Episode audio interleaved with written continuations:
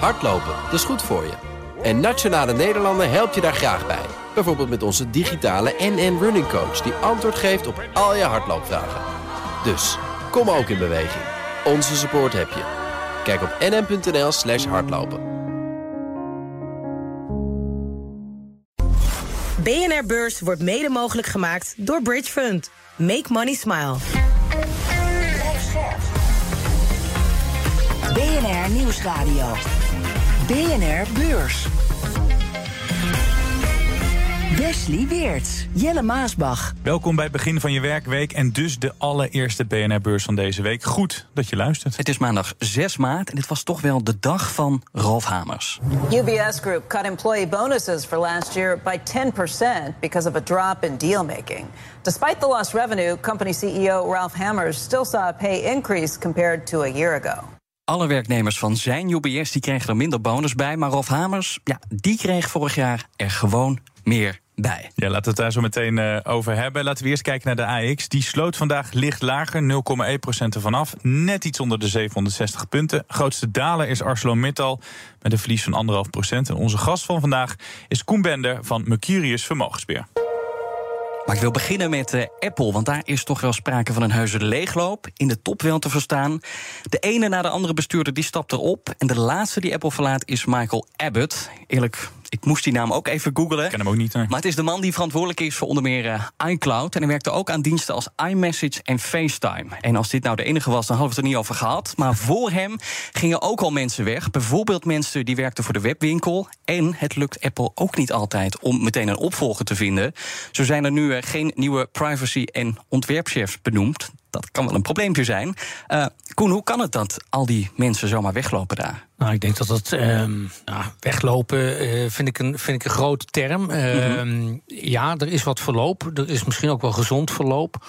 Een bedrijf moet het kunnen handelen als er, als er mensen weggaan. Het meest op ja, spraakmakende vertrek natuurlijk op in de afgelopen jaren was uh, Johnny Ivy de, de topontwerper van, uh, van, van, van Apple. Die alle grote producten, inclusief de, de, de Apple Watch, nog ontworpen heeft. Dat was echt iconisch dat die man wegging. Ja, dat er nu redelijk wat mensen weggaan. Taken worden herverdeeld. Of ze nou echt. In sommige gevallen hebben ze het talent klaarstaan. In dit geval ook wordt de deputy die er al een tijd zit, die gaat het overnemen. Dus, in sommige gevallen, zegt ja. Wesley ook, kunnen ze toch niemand meer vinden? Zou je zeggen, iedereen wil zich voor Apple werken? Mm, ja, uh, over het algemeen wel. Maar misschien uh, begint de magie daar wat minder te worden. Of het echt spraakmakend is uh, in de zin van dat het, dat het daardoor het bedrijf wat minder aantrekkelijk maakt als aandeelhouder. Nou, dat, dat, dat durf ik daar zo niet uit af te lezen. Want ook eerdere vertrekken hebben niet geleid tot een koersval. Ja, Wesley, je had het net al over Ralf Hamers. Die ja. had in 2022 meer op zijn loonstrookje staan dan in 2021. Best wel opvallend. Werknemers die kregen vorig jaar 10% minder bonus. Vooral omdat de bank minder verdiende met fusies en overnames. Dan zou je denken dat geldt dan ook voor de eindverantwoordelijke. Maar dus niet. Dik 12 miljoen euro omgerekend krijgt hij een miljoen meer dan het jaar daarvoor. Ja, en waarom? Dat wordt niet gemeld. Maar duidelijk is dus wel dat hij uh, niet inlevert. Nou, dan zouden we in Nederland er allemaal heel boos om zijn. Maar hoe werd daarop in Zwitserland gereageerd? Boeit ze allemaal niet. Ik denk dat ze het hier allemaal klein. Dat ze daar echt wel klein bier uh, vinden. Dat ze denken, waar, waar malen die, die Hollanders uh, om? Kijk, die miljoen is natuurlijk best wel veel voor iemand persoonlijk. Maar op het totaal eigenlijk helemaal niet veel. Om je een beeld te geven, die bank die had een pot van 3,1 miljard euro om alle bonussen uit te keren. Dat was het jaar daarvoor 3,5 miljard. Dus je zou kunnen zeggen, oh, ze hebben gewoon bespaard. Ja, het valt ook niet op als daar wat uitgaat. Nee. nou, over geld gesproken. Tesla komt voor de tweede keer dit jaar met prijsverlagingen in Amerika. Uh, dit keer zitten ze ook het mes in de prijzen van de topmodellen. Want de instapprijs voor Model S is 5000 euro goedkoper geworden. En de SUV Model X ging 10.000 dollar omlaag. Koen, we gaan er zo meteen nog veel dieper op in, veel uitgebreider. Maar ja, gaat dit de verkopen een boost geven, denk je? Nou ja, wat we tot nu toe gehoord hebben en gezien hebben, is dat uh, alle, alle prijsverlagingen wel een afzetverhoging uh, uh, teweeggebracht hebben. En met name die Model S en die Model X. Ja, die maken in de totale productenmix van Apple niet zo heel erg veel uit. Er zit niet zo heel veel volume in.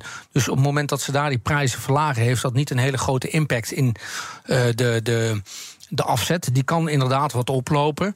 Uh, ik denk dat het meer symbolisch is. Maar Ja, dat ze in totaal van die topmodellen nu 30% uh, of uh, iets meer dan 20% uh, afgehaald hebben sinds begin januari. Ja, dat, dat geeft wel aan dat ze.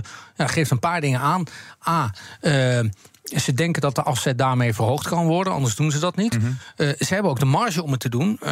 en bij, de, bij met name de wat, wat goedkopere modellen hebben we gezien dat, dat er dus inderdaad nog heel veel mensen zijn die graag een Tesla zouden willen kopen. Maar dat om de prijs nog niet gedaan hadden en dat nu wel doen. Het is wel echt een grote Amerika-show aan het worden. Maar ik wil ook nog even Netflix bespreken. Het is wel nieuws met een Nederlands tintje, moet ik erbij vertellen. Want Netflix heeft al een tijd een hoofdkantoor in Amsterdam. Maar vierde dat vandaag ook echt. Nu was vandaag dan echt de officiële opening. De voorzitter en oud-CEO van de streamer was erbij. Reed Hastings. Prins Constantijn was erbij. En onze collega Joe van Buurik. En die vertelt welke nieuwe dingen zijn aangekondigd. Nou, in elk geval komen er wat nieuwe Nederlandse producties aan. Comedies. Onder meer The Bachelor. Een uh, serie ja, bedoeld voor mensen als mij, denk ik. Jonge, jonge vader die bijna gaat trouwen. Okay. Uh, en uh, iets, een, een soort spin-off, of nee, ik moet zeggen een spoof van Bad Boys. Die heet Bad Boas. 12 jaar op rij was Ford het meest geliefde automerk ter wereld. Maar Tesla drukt ze van de weg. Leuk, die fanboys voor de auto's. Maar blijven er ook genoeg fanboys voor het aandeel? Maar eerst China, want alle ogen zijn op het land gericht omdat daar het Nationaal Volkscongres plaatsvindt. 第十四届全国人民代表大会第一次会议 na jaar van lockdowns, protesten tegen het zero-covid-beleid en economische malaise zet China in op herstel. Uh, al is het land na rampjaar 2022 wel erg voorzichtig geworden. De Chinese regering die stelt zichzelf het doel om de economie dit jaar met zo'n 5% te laten groeien. En dat is het laagste groeidoel sinds de jaren 70. Een unicum dus. Koen, waarom is China zo voorzichtig in haar voorspellingen? Nou, ik denk dat ze wel een beetje geleerd hebben de afgelopen periode. Dat is, dat is één. Hè, want uh, de voorspellingen afgelopen jaar uh, zijn, zijn ook niet gehaald, voor obvious reasons. Nee. Uh, er zijn ook wel een paar dingen die echt wel anders geworden zijn. Hun belangrijkste handelspartners en afzetgebieden dreigen in een recessie te gaan. Dat maakt, denk ik, redelijk wat uit. daarnaast heeft de Chinese lokale overheden die hebben behoorlijk wat schuld. En die kunnen veel minder stimuleren, met name in de onroerend goedmarkt, dan dat ze dat in het verleden deden. Bovendien heeft de, de, de Chinese overheid gezegd.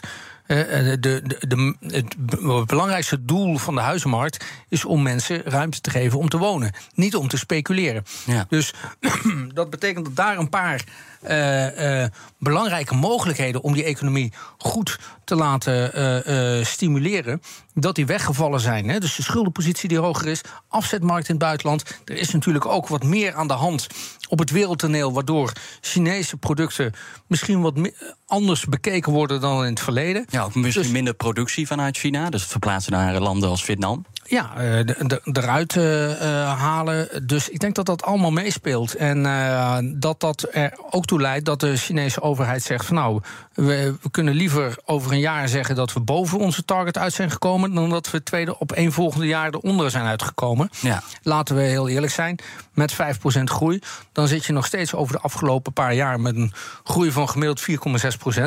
Uh, dat zorgt er nog steeds voor dat uh, uh, China nog steeds een goede kans heeft om een grotere economie te worden dan de VS. Ja, en tegelijkertijd, hè, want je noemde inderdaad allemaal dingen op die nu China een beetje tegen zit. Mm. Maar ja, goed, dat zero-covid-beleid dat is wel afgeschaft. Ook al ja. die coronamaatregelen ja. zo goed als. Dan denk ik, ja, dat is een katalysator in ieder geval ook voor de binnenlandse consumptie. Een van de prioriteiten op, op dit moment.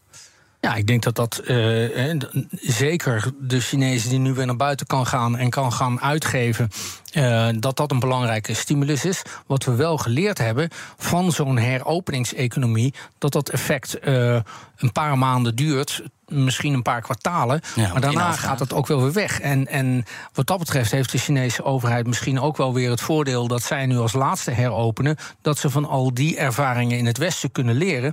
Dat dat effect slechts tijdelijk is. En wat we ook zien in de eerste cijfers. Is dat de Chinezen wel. Uh, ze geven wel geld uit. Maar niet uh, exorbitant. En uh, dus ze blijven ook vanwege die on, on, economische onzekerheid in de rest van de wereld. En, en dus ook over hun eigen economie blijven ze wat voorzichtiger. En de belegger, kan die weer in China terecht nu?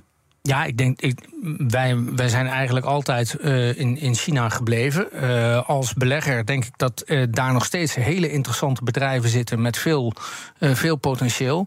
Dat je wel bereid moet zijn om meer bewegelijkheid in je aandeel te zien. maar dat dat nog steeds wel kansen geeft voor, voor de lange termijn. Dus ja. Wat voor soort bedrijven zijn dat dan, waar jullie nog steeds geloof in hebben? Nou, dat zijn met name de, de, de technologiebedrijven die uh, toch uh, ja, vooraan lopen in, in heel veel ontwikkelingen. In sommige gevallen ook nog steeds in staat zijn om, om dat te exporteren naar, naar het buitenland. Of zichzelf uh, af te splitsen uh, met, met buitenlandse takken, waardoor ze verder kunnen ontwikkelen. Ja, nou hebben we ook de afgelopen jaren gezien dat Peking ook hard optreedt tegen dat soort techgiganten. Ik, we hebben hier ook heel vaak analisten die om die reden zeggen: Nou, beleggen in China, daar pas ik voor. Waarom heb jij wel de keuze gemaakt om te zeggen: Nou ja, China vind ik interessant om in te beleggen? Nou, we, we denken dat het nog steeds een, een, werelddeel is en, en een land is.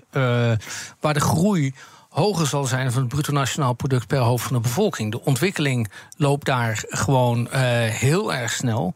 Ja, er is tegenwind door uh, de Chinese overheid die een crackdown heeft gedaan, die eigenlijk begon een paar jaar geleden rondom de IPO van Ant Financial tegen, tegen Jack Ma voorop. Uh, wat we in, in het vierde kwartaal van vorig jaar gezien hebben, is dat de Chinese overheid zich ook realiseert dat als ze die economie op gang willen brengen, dat ze dan ook die entrepreneurs nodig hebben om dat te doen. Dat, dus dat die, die, die uh, hele harde maatregelen waarin ze bepaalde dingen willen inperken, dat die versoepeld lijken te gaan worden. Ja, maar als China ze de nek omdraait, dan ben jij door kwijt, of in ieder geval de groei kwijt.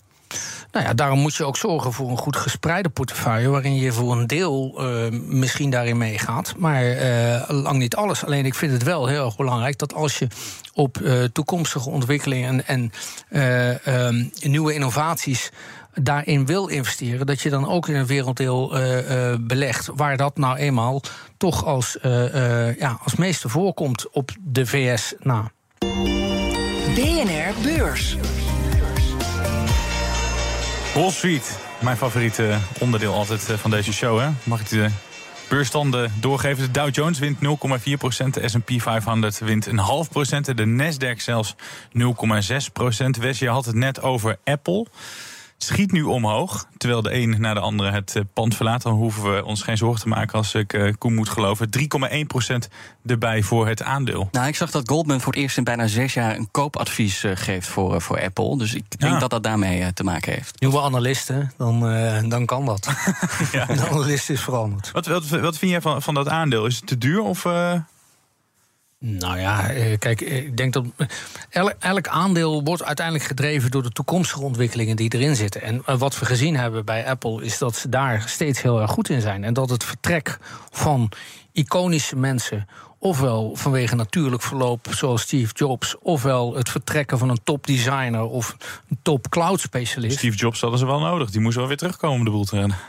Ja, maar uiteindelijk dachten we op het moment dat hij uh, overleed, overleed ja, ja. En, en Tim Cook het overnam. Kijk, de grootste waardegroei heeft uiteindelijk onder, onder Tim Cook uh, uh, plaatsgevonden. Ja. En alle ontwikkelingen die ze in gang gezet hebben. Ja, die, die zullen gewoon doorlopen. En ik denk dat een, een goede onderneming maakt zich ook niet afhankelijk van een bepaald aantal key persons. En Apple heeft laten zien dat ze dat niet doen. En, en dat ze wel die productenontwikkeling goed door kunnen voeren. Ja, vorige week had ik het over Silvergate Capital, weet je nog, Jelle? Ja, die cryptobank. Ja, toen was de helft van de beurswaarde opeens weggevaagd. Nou, over bewegelijkheid gesproken. Koen, uh, bij opening ging er opnieuw een deel vanaf. 8% om precies te zijn. Maar het aandeel staat nu weer hoger. 4% hoger. Maar beleggers ja, die maken zich dus nog steeds wel zorgen... om het voortbestaan van Silvergate Capital. BNR Beurs. De ellende voor Credit Suisse wordt met de dag groter. De op één na grootste bank van Zwitserland die hobbelt van crisis naar crisis. Eerder deze maand maakte het bedrijf zijn grootste verlies sinds de financiële crisis van 2008 bekend. Beurskoers klapt in elkaar, bereikte zijn laagste punt ooit. Een reeks fraudezaken en schandalen kostte de bank miljarden. En vandaag komt Credit Suisse verder onder druk te staan, omdat een van de grootste aandeelhouders vertrekt. The biggest shareholder in Credit Suisse for many years, Harris Associates, has sold its entire stake in the Swiss bank. Ja, de Amerikaanse vermogensbeheerder Harris Associates had ooit 10% in handen, maar heeft alles verkocht. Waarom zouden ze er genoeg van hebben, Koen? Je hebt niet met ze gebeld, denk ik, maar... Nee, Waarom maar dat, heeft de? Financial Times wel gedaan. Oh, en dus eh, in, in dat interview, ja, dat is een stuk makkelijker. Ja. Eh, in, in dat interview geeft hij aan van ja, deze bank heeft, heeft zoveel problemen. Eh, we hebben eigenlijk ook geen vertrouwen meer in, in de stappen die ze zetten. En er zijn zoveel goede alternatieven. Eh, ook in de financiële wereld, waar we wel in kunnen investeren, die wel profiteren van eh, een betere rentemarge, die de boel, die geen outflow hebben in dezelfde mate in hun wealth management, die niet elke keer weer onder druk komen of door eh, corporate spionageverhalen of door verkeerde investeringen waar ze op moeten afboeken, dat, dat we beter daar ons geld kunnen beleggen dan maar blijven vasthouden aan dat aandeel Credit Suisse, waar overigens deze partij wel al meer dan 20 jaar in zat, waar ze eh, voor de, de grote financiële crisis al een keer een verdubbeling van hun aandeel op het juiste moment verkocht hadden. Daarna weer opnieuw erin zijn gegaan. En, en nu inderdaad bijna een half miljard eh, afschrijven Ja, krediet, op die, eh, op die positie. ja, Credit Suisse was weer leuker om, om te verfilmen... of een serie voor Netflix van te maken dan om in te, in te beleggen. Dus je snapt wel dat ze vertrekken. Nou ja, eh, ja met, met eh, de achteruitkijkspiegel hadden ze dat misschien beter eerder kunnen doen. Maar wat ze, wat ze terecht aan. Wat, wat denk ik een beetje de druppel is. Credit Suisse heeft, eh, heeft ook een aantal stappen gezet. Onder andere hun investment banking tak eh, eh, v- meegegeven aan een voor- voormalig bestuurslid, voormalig boardmember. En ehm, dat gaat om First Boston. Die, die naam krijgen ze mee krijgt die man, Michael Klein, krijgt dat mee. En daarnaast hebben ze een, een, met private equity groep Apollo een deal gedaan over een eh, gesecuriseerde business. Dat is allemaal in, in, in wat nevelen gehuld. Dat zint. eh, eh, Harris niet. En, en daarvan hebben ze ook gezegd: deze, ja, als we met zo'n partij zaken moeten blijven doen. en daar als aandeelhouder, ook al heb je 10% van, van de bank in handen. heb je natuurlijk uiteindelijk nog steeds niks te zeggen. Er zijn ook een aantal andere aandeelhouders aan boord gekomen. die misschien meer in de melk te brokkelen krijgen. eh, omdat ze met, met die rights issues mee hebben gedaan. Hè. De, de, de, eh, de Saoedi's die, er, eh, die erin gestapt zijn. Dat die zegt: ja, weet je, eh, ehm, bekijk het maar. Ik, ik ga mijn hel elders zoeken. waar ik meer in de melk te brokkelen heb. bij een ge- bezo- gezonder bedrijf. Komt deze bank eh, de klap te boven of gaan ze omvallen? Wat denk jij? Nou ja, dat wordt, eh, wordt natuurlijk. Kijk, ja. Of ze de klap erboven komen, dat, dat, eh, dat zal heel erg lang gaan duren. Op deze manier. Ze zijn wel nog in staat om nieuwe aandeelhouders aan te trekken. Dus of ze echt omvallen, dat weet ik niet. Ik kan me ook voorstellen dat de Zwitsers er zelf nog wel het een en ander aan gelegen is. om Credit Suisse eh, overeind te houden. Ja, die kunnen ze Maar niet of dat. Of dat in de huidige vorm zal zijn, nee, eigenlijk niet. Want ze zijn al heel veel onderdelen aan het, eh, aan het verkopen en aan het strippen. Ik denk dat het uiteindelijk wordt het een, wordt het een, een, een schaduw van, eh, van zichzelf. Ja, dan eh, Tesla, dat stoot Ford van de troon als meest loyale automerk van de wereld. Dat is best een prestatie, want Ford had die titel liefst 12 jaar in bezit. Ik wist het gewoon niet dat Ford die titel al 12 jaar lang Nee, ik ook had. niet. Dus dat was het merk die die mensen het meest trouw bleef. Dus dit is eigenlijk het grootste nieuws nog. Ja, Voor ons. maar nu van alle autobouw, eh, autobouwers zijn Tesla-kanten dus het meest trouw aan dat merk. Ik noem het best wel een prestatie dat het Tesla dat is gelukt. Of zeg jij ja, ik vind het niet zo'n prestatie. Nou ja, ehm, het- ik vind het vooral een prestatie gegeven het feit dat Tesla zoveel groter geworden is de afgelopen periode. Want laten we heel eerlijk zijn, ze zijn natuurlijk eh, nou, die, viervoudigd ligt eraan welke periode je neemt. Er zijn ambitieuze plannen om dat naar de toekomst toe, ik geloof nog, nog 15 keer zo groot te worden in, eh, in, in, in 2030. Eh, en dat met een relatief beperkt aantal modellen dat ze hebben. Eh, in dat onderzoek bleek ook dat ethnic consumers eh, de meest loyale waren. Nou heb ik even diep moeten graven wat ze daar nou precies mee bedoelden met ethnic consumers. Maar dat zijn Hispanics, African Americans. ehm, en ehm, Asians. Eh, Dus daar zit een hele grote trouwe schare van eh, cliënten in. die eh, steeds weer opnieuw een, een Tesla kopen. En dat is wat je uiteindelijk natuurlijk wil eh, als, als producent. Dat je niet eenmalig dat model verkoopt, maar dat je hem blijft verkopen. En ik denk dat dat een hele goede, goede opsteker is. ja. Er zijn dus best wel wat fanboys. Maar zijn daar net zulke fanboys onder beleggers? Waarmee ik wil zeggen, er zijn mensen heel erg trouw aan hun auto die ze kopen. Maar zijn die Tesla-aandeelhouders net zo trouw? Eh, Nou, eh, kijk, het is, het is eh, de meest verhandelde stok op, op de beurs, zo mogelijk. En meest populair onder daytraders. Ehm of het echt onder lange termijn beleggers het meest populaire aandeel is. Nou, we, we hebben hier in deze studio wel vaker eh, eh, gesprekken gevoerd waarin er heel veel. eh, het is natuurlijk het meest besproken aandeel met voor- en tegenstanders. En ik denk dat je over de langere periode is het een bedrijf geweest dat wel steeds in staat is geweest om. Duurde langer voordat de beloftes werden ingelost, maar ze werden uiteindelijk wel ingelost. En ehm, wat dat betreft moet je ze de benefit of the doubt geven. En laten we heel eerlijk zijn: ehm, in, in januari, dat is nog maar twee maanden geleden, stond het aandeel op 100 dollar. Nu staat het rond de 200 dollar. Dus het is verdubbeld in een korte periode. Ja, Koen, natuurlijk, maar eh, het heeft ook 400 dollar gestaan. Ja, Jelle, dat klopt, maar eh, daarvoor heeft het ook eh, 100 dollar gestaan. Ehm, dus eh, inderdaad, Wesley, het is een heel volatiel aandeel.